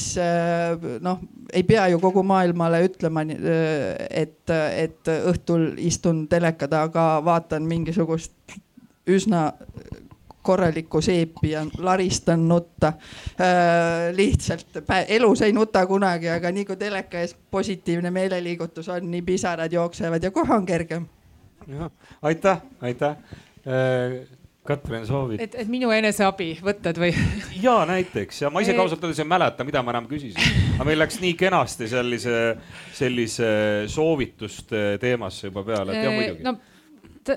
mind aitab ja, ja, ja seesama ikkagi liikumine ja mida ka jälle öeldakse, et teistpidi, eks ju, et ka, ka igavesti kasulik, et äh, nii sellise heaolu hormooni tek,, hormooni tekitamiseks ka ajus, et, et, et selles mõttes selline liikumine ja sport ühelt poolt, aga äh, ütleme, et ka sellised äh, mindfulness'i harjutused, et ka, et kui, kui siin noh juba üksjagu aastaid tagasi oli mul, oli selline keeruline aeg, et siis ma ikkagi enda jaoks ka leidsin seda, et selline teatud noh, kas nüüd seda meditatsiooniks nimetada, aga, aga teatud mõttes küll sellise eneses nagu selle tasakaalu või rahupunkti ülesleidmine ehk et ma tõesti äh, Äh, kui ma nüüd ei eksi, et oli Ärksusse raamat, kus oli ka kaasas siis tegelikult äh, audiofail ja, ja mina sain sellest abi, et mul on küll praegu üks teine äpp, mida ma aeg-ajalt kuulan, mis lihtsalt sellise aitab nagu mõtted puhtaks teha. äh, ja, ja ma saan sealt pidevalt viimasel ajal teateid, et ei ole seal käinud. Et, et selles mõttes, äh, et pigem jah, selline liikumine ja, ja, ja jällegi ikkagi, et selline, kui sul on see kodune taust äh, nagu korras ja, ja sellised lähedased suhted äh, korras, et siis, siis, siis on kõik palju, palju, palju lihtsam. Et, äh, et need asjad kindlasti on need, mida, mida jah, mis, mis mind nagu aitavad ja, ja just, et noh nagu Katrin ikka kuulates, ma arvan, et seesama koht, et noh, et sa, sa õpidki nendest kogemustest ja noh, on üks sihuke tore ütlus küll inglise keeles kõlab paremini, aga põhimõtteliselt, et see, see sinu edukus ju sõltubki sellest, et kuidas ja kui hästi sa suudad nendest läbikukkumistest nagu õppida. ükskõik, et kas need on siis sul nii-öelda erialased või ka sinu isiklikus elus, et, et, et kui need on sinu jaoks õppetunnid ja sa saad nagu aru, et, et mida ja kuidas sealt noh, lihtne oleks alati hakata süüdistama, et nad kõik teised ja ükskõik, on see tööl või, või, või, või, või olid seal halvad ja tegid ja jätsid midagi tegemata, aga et mis see minu roll oli ja, ja et järgmine kord lihtsalt sellest kuidagi targemini võib-olla välja tulla või hakkama saada, et, et võib-olla need mõtted ja võib-olla rohkem ja teaduse juurde tagasi, et me üks, üks suur õppetund jäi ütlemata ikkagi ka äh, nooruse uljuses. Äh, minu jaoks on alati olnud oluline teadlasena võtta niisugune äh, pikem vaba aeg, et ma ei ole kunagi suutnud kirjutada mm, niimoodi, et mul on kaks tundi siin ja, ja kolm tundi siin, et ma saan lõpetada asju, aga selleks, et see kontseptsioon kokku läheks ja, ja, ja mul on noh, olen ise kivide alt otsinud ja on olnud õnne, olen äh, saanud stipendiume siin ja sealpool olla. on olnud õnne ka sedapidi, et äh, pere on aidanud äh, lapsi hoida, kui ma olen mõne perioodi väljamaal olnud, aga, aga selle, sellega jõuangi sinna, et ega see niisugune naiivne ootus, et nüüd ma lähen üksinda, ma jätan pere maha. nüüd ma magan kuus tundi, pesen hambaid ja söön noh, võib-olla kokku poolteist tundi ülejäänud aja ma siis istun seal kas raamatukogus või laua taga ja, ja, ja, ja teen teadust niimoodi noh, materiaalselt siis, et ma olen seal, loen. Mm, see sai mulle üsna ruttu selgeks, et, et, et see selline enesepitsutamine ei vii kuhugi, sellepärast et kui sul on see noh, ühel hetkel see mm, noh, nagu värskus läinud ja sa ikka sunnid ennast sinna taha, siis sa ainult takerdud sinna rohkem kokku, aga, aga, aga hästi toimib küll see, et kui, kui on suutnud nagu selle, et sa ei pea oma mõtet oluliselt viima, et teed küll igasuguseid toimetusi, aga, aga tegelikult no käid tantsimas, käid metsas, isegi teed kodus, pesed nõusid, et kui seesama, see noh, need killud, mis sa oled kokku korjanud oma teadusliku töö ükskõik mis nurga alt, siis mm, et äkki nad täitsa täiesti ootamatul hetkel klikivad kokku. noh, ja sealt edasi on muidugi see, et, et kui nad äh, öösel unes kokku või, või kuskil seal, et, et see märkmepaber, et, et muidu pärast on selline tunne, et aga küll ma pärast kirjutan või küll ma pärast märgin üles või küll mul on pärast meeles see, et kuidas need asjad kokku jooksid, aga, aga tihtipeale ei ole enam nii hästi meeles. täpselt vahetult neid... enne magama jäämist, sa pead uuesti üles ärkama sisuliselt ja kirjutama ja siis sa ei saa enam magama jääda tegelikult õnnestub või? Ja, ma ei ole suur katalogiseerija, aga, aga need post-it'id on näiteks minu jaoks äh, hindamatu väärtusega, kuhu saab niisuguse oma teistele loetamatu käekirjaga mingisuguseid äh, teistele seletamatuid. nii et sellele teadlasele, kes selle välja mõtles, me et suur tänu Katrinite poolt, jah, ja aitäh ma hakkasin mõtlema praegu, et noh, ütleme, et kõik, kes kuulavad, ei ole ju teadlased, et, et kui me mõtleme nagu laiemalt siit välja, et muidugi need kõik asjad, et sport ja loodus ja mediteerimine ja positiivne mõtlemine või need individuaalsed asjad on olulised, aga, aga noh, need ei ole, nendest üksinda ei piisa, vaata ja, ja kui me mõtleme, et kui me tahame nagu noh, ütleme ühiskonnana liikuda selle poole, et meil on äh, kõrgem osakaal ka naisprofessoreid või et äh, kõrge teaduspotentsiaaliga naised ka teadusesse jõuaks ja siis seal läbi ei põleks, on ju. et noh, siis me tuleme tegelikult ikka tagasi selle juurde, et äh, siiani meil uuringud näitavad, et nii Eestis kui mujal tüdrukuid kasvatatakse intensiivselt tublideks ja see on väga spetsiifiline tubliduse kriteerium ja erinev sellest, kuidas poisse kasvatatakse tublideks. et see on selline hästi korralik, kohusetundlik, seesama perfektsionism, kõik need asjad, millest me oleme siin täna rääkinud, mis just nagu ühelt poolt eh, teevad võimalikuks eh, eduka tegutsemise, aga teiselt poolt võivad hästi kiiresti viia selle läbipõlemiseni. eriti süsteemis, kus noh, me alustasime seda juttu, et kakskümmend aastat tagasi oli üsna levinud mõelda, et noh, naised ikkagi ei ole professorid, et see on ikkagi väga haruldane juhus, et kui, kui on süsteem, kus on endiselt mingid kajad, kus sa naisena tunned, et sa pead kuidagi eriti tubli olema või eriti tõestama, et sa kuulud sinna tippu äh,. nagu legitimiseerima oma olemasolu seal lisaks sellele meetrikale, mida nagunii äh, on vaja, et sa üldse saaksid liikuda edasi karjääri trajektooril. et äh, noh, siis me nagu ütleme suure kollektiivse kultuurina peame endalt küsima, mida me oma tütardele räägime, mismoodi me neid kasvatame ja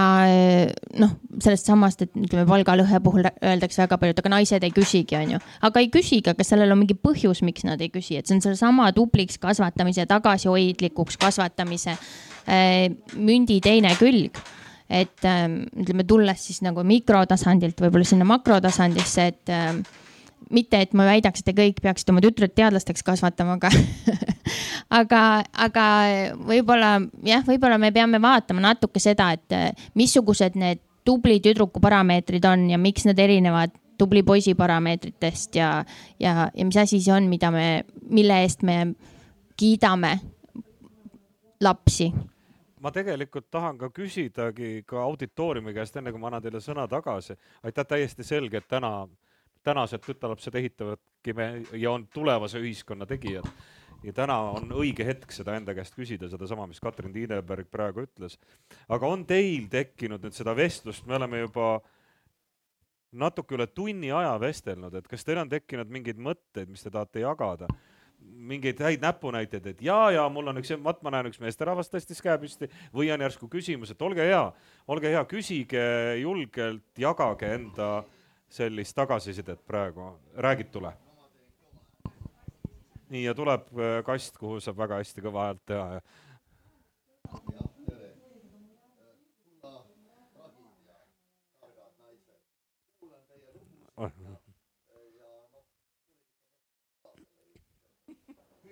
mõtted olid sellised, et te olete hariduse süsteemis juba hõivanud vähemalt kolmveerandi ära ja, ja töötate seal. kindlasti hõivate te varsti ka teaduse. see on jumala kindel. aga nüüd ma küsin, aga kas tasub seda teha?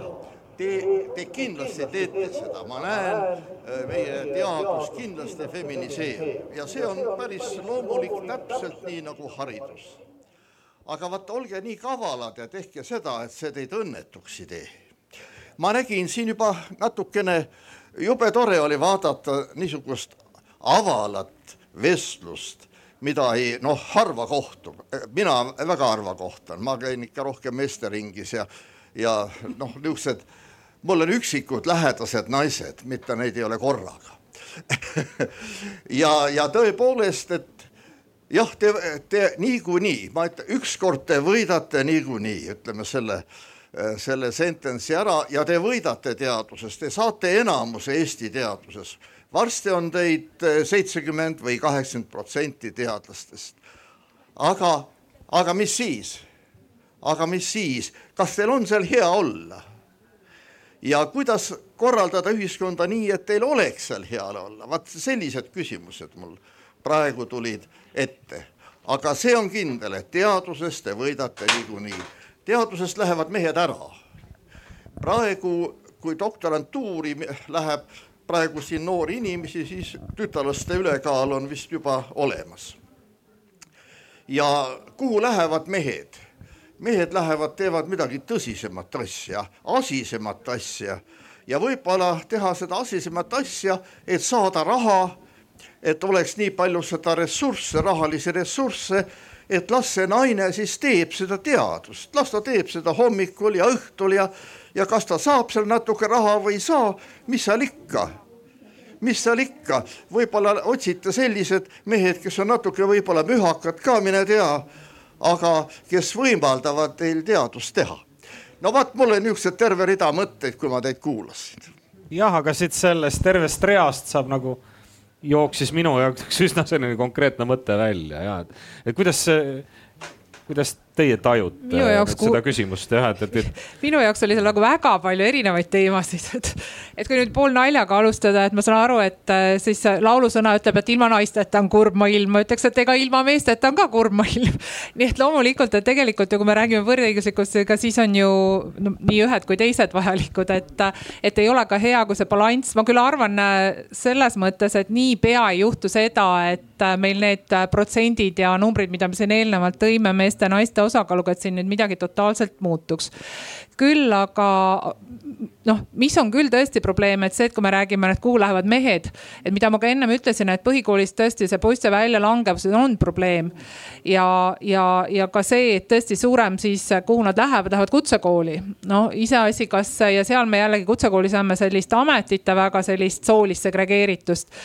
ja, ja teistpidi, et kui nad on kõrgelt haritud naised, kas nad ikka neid mühkamaid mehi tahavad, ei taha, et meil on ju siin palju olnud ka sellest diskussiooni, et miks neid välismaa mehi otsivad need naised, naised, sest et nad tahavad haritud mehi saada ja nii edasi. et see, ma arvan, et siin neid teemasid nagu on, on mitmeid ja pigem noh, mida ma tahtsin nagu öelda, et tõesti sellise haridusvaldkonnas, et, et see on küll teema, mida ka haridusvaldkonnas kindlasti me peamegi mõtlema, et äh, miks meil poisid välja langevad. Ja, ja ja, tegelikult äh, haridus äh, on oluline ja noh, see, et ta korreleerub siin nii tervise, eluea ja muuga ja et see, et meil Eesti naised elavad kauem ja, ja nii edasi, eks ju, et ega see ka ei ole positiivsed näitajad, et ma arvan, et selles mõttes ma teistpidi ka ütleks, et muidugi me peame mõtlema, et mis, mis ja kuidas teha ka koolis teisiti, et need noormehed jõuaksid ka ülikooli rohkem, lõpetaksid selle, jõuaksid ja jääksid ka ikkagi teadusesse, aga no ma ütlen, praegu need käärid veel on meil teistpidi ja, ja, ja eelkõige tuleks seda üldhariduse poolt küll vaadata, et, et need haritud mehed ei oleks meil vähemuses, et meil on targad naised ja, ja, ja ei ole nii haritud mehed no ma arvan, et seda teemat me olemegi siin üle tunni lahanud, et kuidas äh, me saaks teha nii äh, nagu ülikoolide poolt või, või, äh, või ühiskonna poolt ja isiklikus vaates, et naistel teaduses hea oleks, et seda teemat ma rohkem äh, ei, ei äh,, ei vaataks, aga, aga, aga, aga see esimene küsimus, millest te alustasite, et kas see on teadusele ja maailmale hea, et naisi äh, teadusesse läheb, no ma sinna ei läheks, et väikses Eestis ja, ja kui äh, tõepoolest see ennustus täide läheb, et äkki äh, ülehomme ongi seitsekümmend protsenti naisi, ma arvan, et noh, maailm, maailmas ja Eestis ei lähe ei, äh, ei uppi ega, ega juppi sellest, sellest tasakaalust väljaminemisest midagi, aga, aga neid praeguseid statistikaid vaadates ja, ja tegelikult mm, ju vaadates neid päris elulisi probleeme, mida erinevatel ühiskondadel on. Äh, nimetage neid siis nendeks äh, äh, inglise keeles wicked problems äh, ehk siis äh, nurjatud, nurjatud probleemid, sotsiaalsed probleemid Äh, ma olen absoluutselt veendunud ja, ja, ja see paistab ka sellest äh, trendist maailmas välja, et, et, et see naiselikuma, empaatiapõhisema vaate juurdetoomine sinna, et see, et see väga-väga niisugune noh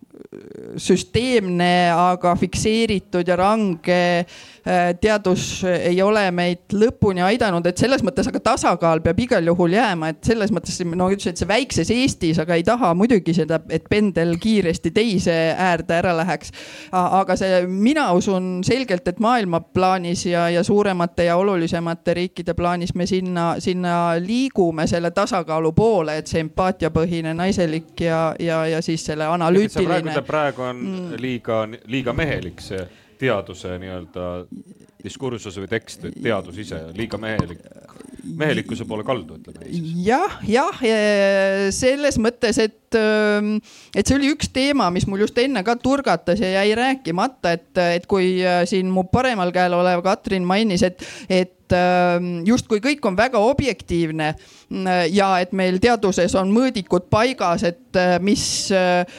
palju, milliseid artikleid, siis, siis tegelikult, kui sinna taha ikkagi hakata vaatama, et et mida me peame teaduseks mida me peame noh, eriti kõrgetasemeliseks ja väärtteaduseks, et see, äh, sealt hakkab see noh, nagu pilt natukene teiseks minema, et, mm, et, et kui me vaatame seda, et äh, millist teadust on ühiskonnale võib-olla täna ja homme rohkem vaja, et toime tulla nende keerukate probleemidega ja milline teadus on traditsiooniliselt eile ja üleeile peetud noh, kõrgetasemeliseks heaks ja õigeks teaduseks ja, ja seda sedakaudu siis rahastatud, lihtsamini publitseeritud saadud ja, ja sedakaudu siis ka need linnukesed, mis on justkui objektiivselt ühesugused, on, on lihtsamini kättesaadavad võrreldes nende niisuguste teemakäsitluste ja meetodikasutustega, mida võib-olla siis trendina vähemalt toovad pigem naised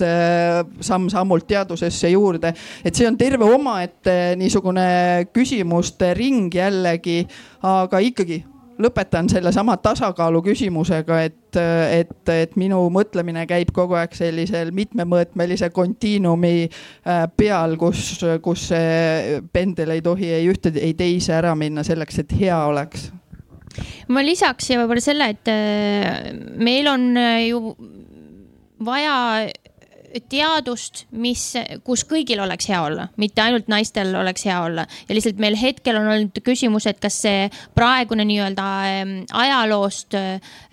päranduseks saadud süsteem on ehitatud väga teatud tüüpi elukaare ja elukogemusega inimeste nägu ja nende soosimiseks. Äh, sest et asi ei ole ju jällegi mingites kvootides või naistes ja meestes, me tahame, et kõik teadusliku, kõrge teadusliku mõtlemise potentsiaaliga inimesed jõuaks jõuaksid teadusesse, sest et meie ees maailma, inimkonna ja ühiskonna ja kultuuridena seisavad väga suured probleemid. Äh, ja selle puhul noh, tasakaal on üks sõna, teine sõna on tegelikult mitmekesisus, sellepärast et selle kohta on meil ka väga palju uuringud, mis näitavad seda, et tavaliselt mitmekesisem äh, ütleme siis meetodite kasutus, mõtlemisviiside kasutus, teooriate kasutus, mis väga sageli siiski tuleb mitmekesisema elukogemusega inimestest, et inimesed on ikkagi oma elukogemuse poolt vormitud ja nad toovad sellega kaasa võime küsida mingeid küsimusi, võime raamistada küsimusi või probleemi püstituse spetsiifilisest perspektiivist. Eh, et meil on vaja süsteemi, mis võimaldab, mitte ei lamesta ja ei lükka eemale mitmekesisust, eh, sellepärast et mitmekesisus ei ole võib-olla noh, niivõrd puhas või niivõrd lihtne manageerida. et kui, kui on väga homogeenne süsteem, siis seda on noh, kõiki neid kriteeriumeid on. kõik, kõik ühtemoodi. ja, ja kõike on lihtsam mõõta ja nii edasi, et ta on näiliselt tõhusam, aga tegelikult ebaefektiivne, sest et ta ei tooda seda uut teadmist, millega oleks midagi võimalik maailmas muuta ja, ja võib-olla üks aspekt oli see palga aspekt, ma isegi äh, äh, julgen siia ka, et loomulikult suure trendina ja statistikana võib see nii olla, aga, aga kuna teaduse rahastamine on väga mm, Eestis spetsiifiline ehm, ja, ja me oleme harjunud mõtlema, et riiklikult jah, ja ongi nii, on teadus suhteliselt halvasti rahastatud ja võime mõelda, et on madalad palgad, aga, aga mm, tihtipeale me siis äh, niisuguste äh, agaratena taotleme Euroopa teadusrahasid ja, ja kui see õnn õuele tuleb, siis äh, perekondlikult äh, enam ei pruugi sugugi nii olla, et, äh, et sellel naisteadlasel on oma mitteteadlasest mehest madalam palk, keda mees peab üleval hoidma ja, ja, ja, ja see meie kultuuri kontekstis tekitab täiendava probleemi äh, nagu te arvata võite, nii et, äh, et ei ole siin ka kõik need äh, väga need stereotüüpe ei tohi täna enam, et maailm on nii kirju, et stereotüüpe ei tohi lasta end, enda üle nagu äh, ühtepidi võimust võtta. No ja teadusest peaks ikkagi, ma leian, maksma avaliku huvi jaoks kogutud rahaga, mitte kuidas see siis oli, nende rikaste töömeeste rahaga. aitäh. kas äh, kuulajatel, austatud auditooriumil on tekkinud veel küsimusi, veel mingeid näpunäiteid, mingeid mõtteid, mingeid nõuandeid, aga? ilma selle toruta, see toru ei anna mulle palju juurde, ma olen kõva Assoo kõva häälega äh, mees. aga ma ütlen, et varsti, ma ütlesin, et ükskord te võidate niikuinii ja nüüd ma ütlen peale seda äh, teie äh, nii-öelda pikka ka mitmekülgset vastust. Küsimus oli ka niisugune tükiline, et te võidate varsti, kallid naised. ma ütlesin, et ükskord te võidate niikuinii, siis ma ütlen, et varsti te võidate see juhtub õige varsti, aga ma ütlen, aga kas õnn tuleb koos sellega õuele, vaat seda ma jäin veel kahtlema. ma, ma püüan siis, aitäh, aitäh küsimuse eest või märkuse eest, et eh, Katrin tuleks korraks tagasi, Katrin Tiidenberg, korraks selle juurde, mis meil oli kohe alguses see küsimus, mees või naine, mees roll, naise roll, et, eh, et eh, räägi natukene sellest mõttest, et kuidas seda saaks niimoodi sa ütlesid, et sul nagu päris valmis retsepti ei ole, aga võib-olla veidi filosofeerida teiega koos viimased kümme minutit, et sellel teemal, et, et mis siis, millisel moel need hallid varjundid seal kahe vahel tegelikult aitavad siis äh, luua harmooniat? sedasama harmooniat, et me ei saaks öelda, et on üks ja teine ja ilma üheta ja ilma teiseta, jah hästi segane küsimus võib-olla. Aga mäletad seda rolli, rolli? ja, ja, ja ma mäletan, et ma juba korra ütlesin, et see mulle ei meeldi sa lükkasid mulle selle tagasi nüüd. Ehm, aga sa oled saanud tükk aega ennast soojaks rääkida. ühesõnaga, eh, kui me räägime nagu teoreetiliselt sellest, kuidas mõeldakse teoreetiliselt naiselikkusest ja mehelikkusest, siis need on eh, ütleme siis eh, kokku kokku lepitud ajaloolise taagaga normide kogumid jah, e, need ei ole mingisugused e, objektiivsed e, mullast võrsunud asjaolud ega ka taevast meile pähe kukkunud faktid. Need on erinevates kultuurides erinevad, need on erinevatel ajalooetappidel erinevad. ehk et, et tegemist on just nagu ütleme siis mingisuguse ühiskondliku lep lepinguga on ju ma arvan, et sellele samale mitmekesisusele, millest me siin rääkisime, eh, tuleb hetkel pigem kahjuks, eh, kui noh, öelda näiteks, et meestele tuleks kasuks olla naiselikum ja naistele tuleks kasuks olla mehelikum. tähendab, kui on see inimene, kelle jaoks see keel on vastuvõetav ja arusaadav, eh, siis võib muidugi nii öelda, aga ma arvan, et kuna ütleme siis selle normatiivse naiselikkuse ja mehelikkusega kaasneb nii palju ootusi ja eeldusi, mille puhul paljud inimesed tunnevad, et see piirab neid või kohustab neid või ahistab neid või mida iganes. siis kui me vaatame enda ümber, siis on väga palju inimeseks olemise viise ja ka väga palju naiseks ja meheks olemise viise, et ähm, noh ma ei, ma ei, eriti teaduses ma ei kirjeldaks seda, et ole natuke mehelikum teadlane või ole natuke naiselikum teadlane või, või noh, ma, kas ma sain aru, mida sa mõtlesid, et selles mõttes, et see on funktsionaalne keel, aga et noh, need mehelikud meetodid ja naiselikud meetodid on ka ikkagi on veits. mehelikum ema. nagu veits jama jutt või noh, selles mõttes, et äh, ma tean väga palju naisteadlasi, kes tegele-, noh, füüsikuid ja nii edasi, kes tegelevad nii-öelda nagu ütleme siis väga positiivist, kasutavad väga positiivistlikke meetodeid, tegelevad mõõtmisega ja nii edasi. Ehm, e, ja seejuures on, ma ei tea, mingi mitme lapse emad ja pikkade blondide juustega, et noh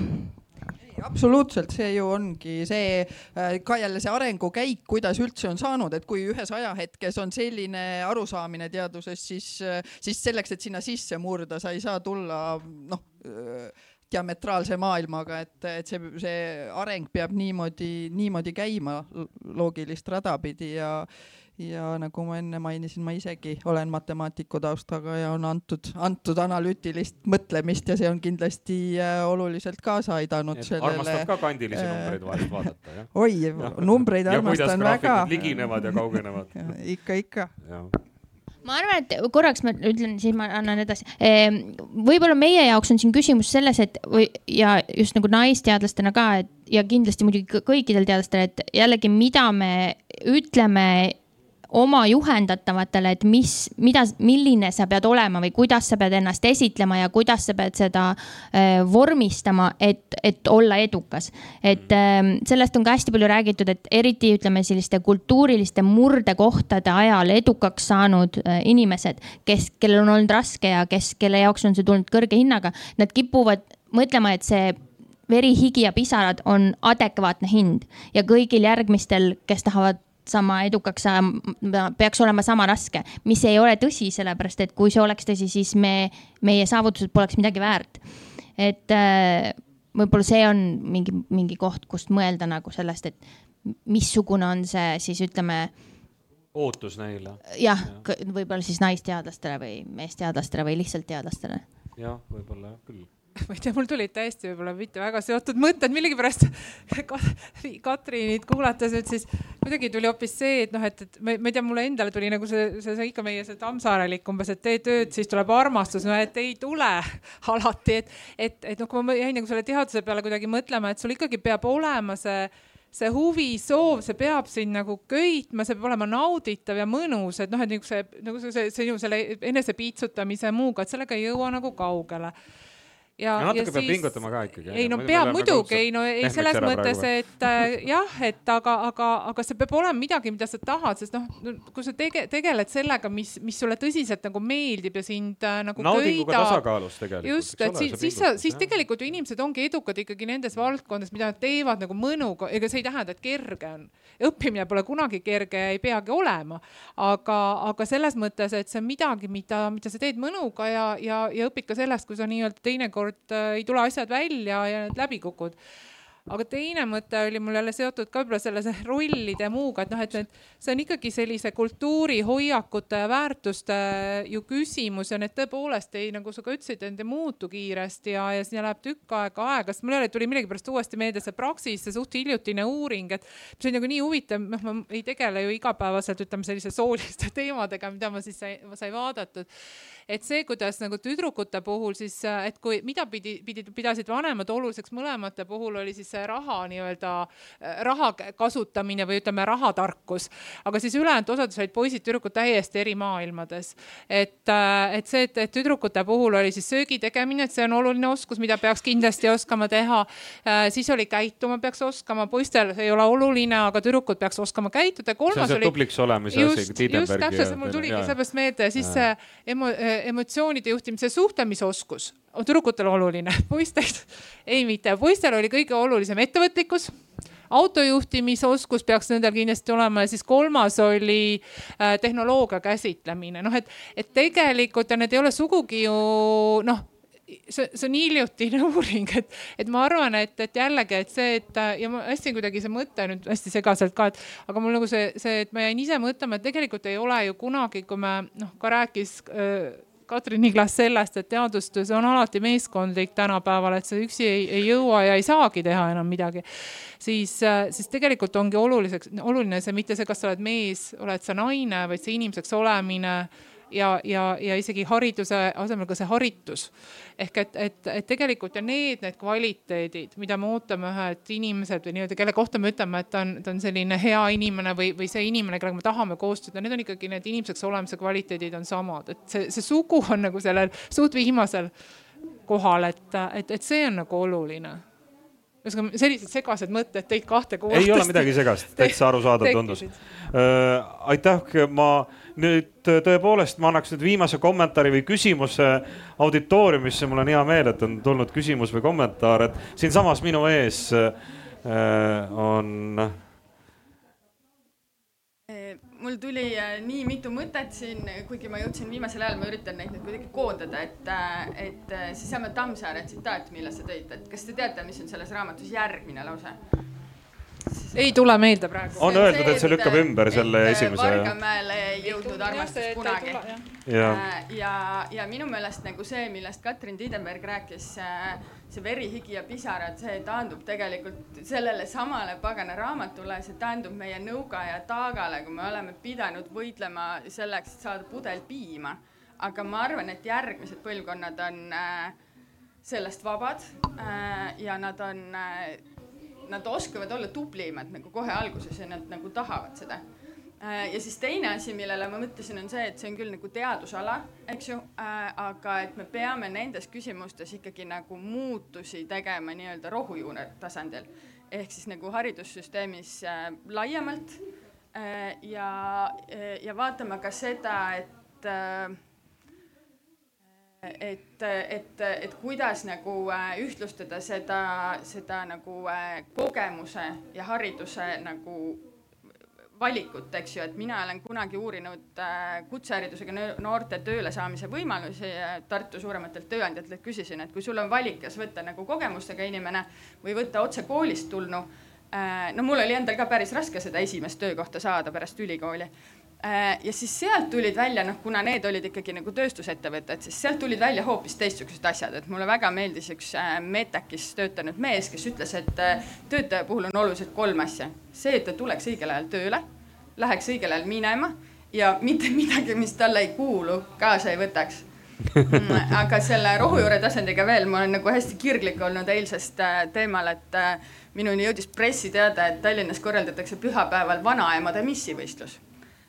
ja siis ma esitasin kohe hästi palju küsimusi, no esiteks see, et kuidas selline asi tänapäeval üldse võimalik on. Äh, miks diskrimineeritakse vanaisasid, et nagu neile ei ole sellist võistlust. Äh, ja siis kindlasti ka see, et kas tulevad ka miljonimängu küsimused, millel on ainult valed vastused ja kas trikoovoor ka ikka tuleb. ma väga loodan nagu, et meil on nagu teatud feministlikud organisatsioonid, kellel on võimu see üritus ära keelata, sest et see on ikka täiesti kohutav. aitäh aitäh kommentaari eest ja nüüd on äh, viimased kommentaarid meie esinejatel. ma palun teilt niisugust helget vaadet tulevikku. vaadake, kui ilus on väljas, kuivõrd päikeseline, me oleme rääkinud nii muredest kui ka murede lahendamisest, tasakaalust, inimeseks olemisest. selles kõiges on olnud midagi positiivset et kes teist soovib asutada, alustada lühidalt kokku võtta helge vaade tulevikku teadus on põnev ja ei taha illusiooni luua, on valusaid, on enesepitsutamist nõudvaid hetki, aga, aga just see oskus äh, ja, ja süsteemne siis organisatsioonide poolt või ühiskonna poolt antud võimalus äh, hoida seda positiivset poolt, seda, seda positiivset emotsiooni, mis tuleb siis, kui sa oled selle pingutuse ära teinud ja see tagasiside ja, ja õnnestumine ja see, et vaatad peeglisse ja ütled, et ma ikkagi olen midagi ära teinud või, või et, et mind on märgatud, minu, mitte mind kui naist vaid minu tegevuse, teadustegevuse tulemust on märgatud, et, et kui Potsap tänapäeval on ju nii lihtne. et email ja, ja internet ja kõik, et guugeldad ja, ja, ja küll nad leiavad üles, et tuleb Türgist, tuleb Jaapanist, küsivad, me leidsime su selle, kas me võime inglise keelest selle sinna sellesse Äh, Jaapani või Türgi või, või Kreeka keelde tõlkida, ma arvan, et minu üks, üks tükk on juba üle kümne, kümne keele, ma ei ole neid kokku kogunud, et see, see, seda, et just, et see töö ei ole igas ajahetkes äh, lihtne ja valuvaba, aga, aga see, see protsess tervikuna, et sul on see uurimismeeskond, kus on head läbisaamised, kus erinevad äh, ägedad mõtted äh, tulevad üles ja, ja, ja, ja siis, kui see pingutus on tehtud, nii et, äh, et, et selles mõttes äh,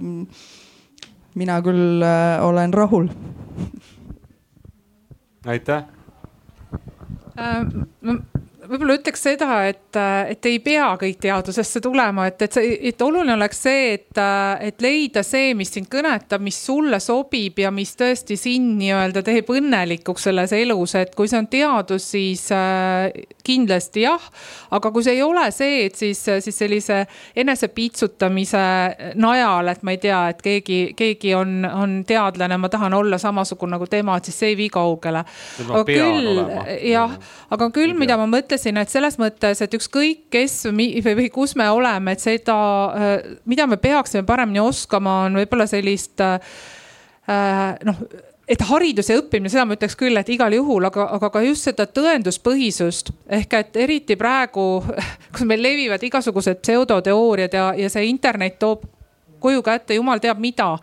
Äh, siis, et oskus küsida alati, et kui või kui keegi räägib või kui sa loed ka, et aga kust sa tead või kui tõenduspõhine on see info, vot seda oskust tahaks küll, et, et selles mõttes seda teaduslikku mõtteviisi ja oskust äh, küsida neid äh, nii-öelda teadlase moodi küsimusi, vot seda oleks küll vaja kõigile ja seda ma sooviks ka meile kõigile, et me oskaks neid õigeid ja kriitilisi küsimusi küsida ennem kui me pimesi usume midagi või kuulda võtame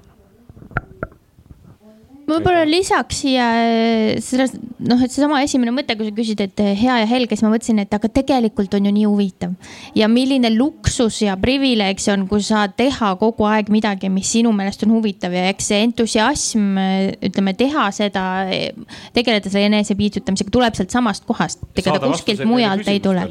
just, ja siis ma mõtlesingi, et noh, me oleme siin rääkinud nagu naistest, teadusest ja võrdõiguslikkustest ja igast asjadest, aga tegelikult hea teadus algab heast küsimusest teadmist. ja mida me tahame ühiskonnana, on see, et kõik, kellel on head küsimused, eh, et neid nagu innustataks nende peale mõtlema ja neid õpetataks, kuidas on võimalik küsimustele vastata. me alustame sellega kodus ja me liigume sellega läbi koolisüsteemi ja lõpuks, kes tahab, kellel on noh to, totaalne fiksatsioon, eh, mida sul on teadlasena vaja, jõuab selle küsimusega siis lõpuks ka sinna teaduseni, aga ta ei pea sinna jõudma, aga see küsimuste küsimine ja väärtustamine ja okei okay,, poisid, poisid peavad autot juhtida oskama ja tüdrukud peavad süüa teha oskama, aga küsimusi küsida võiks mõlemad osata. et ma arvan, et võib-olla see on nagu see, mis ei ole ka nagu raske või kuidagi selline, et tuleb hakata nüüd ühiskonda lammutama või mingeid kvoote seadma, vaid lihtsalt see on hea festival selle jaoks ka. aitäh, aitäh esinejatele, aitäh auditooriumile. selge see